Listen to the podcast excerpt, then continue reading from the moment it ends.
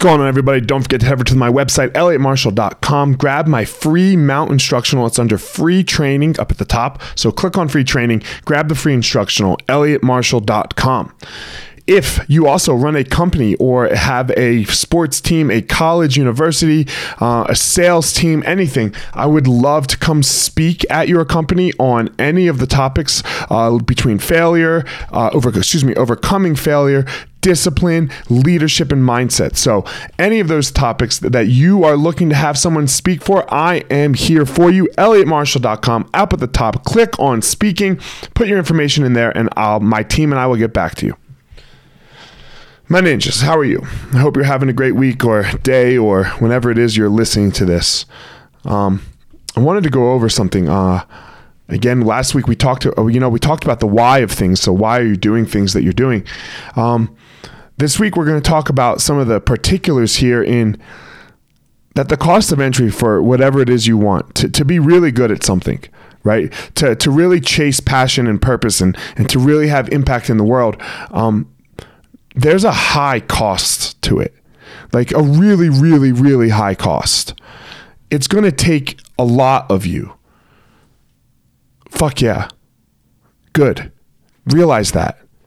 Get good with it. Get good with the with the difficulty of it. It's not easy. Nothing that is valuable or worth your time or that produces good results is is easy. So you have to get really, really clear and really, really good with accepting this. Like, like even this, like this stuff that I do, like my my life and my world, man. This this, uh, it's a lot of work. It's a lot of fucking work. I actually had somebody ask me, like, Elliott, why do you do it? Like, why do you do all of this stuff that you do? And and it made me think because I probably won't make, I don't make any more money.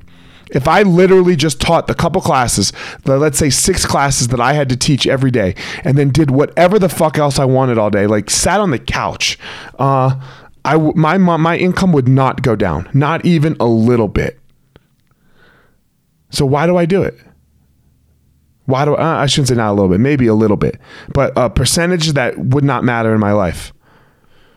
I love the fucking work. I love the chase of greatness. I I fucking love it this particular one. I'm trying to be great at teaching martial arts and and doing this this uh, thought leadership for people. I love it. There's no other way that I would choose to spend my time in a worthy cause. There's no other arena that I would choose to walk into.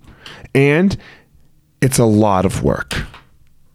It's a lot of work. It's a lot of personal work where I have to improve.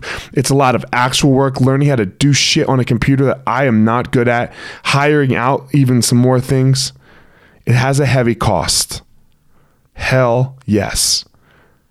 I'll be better at the end of it.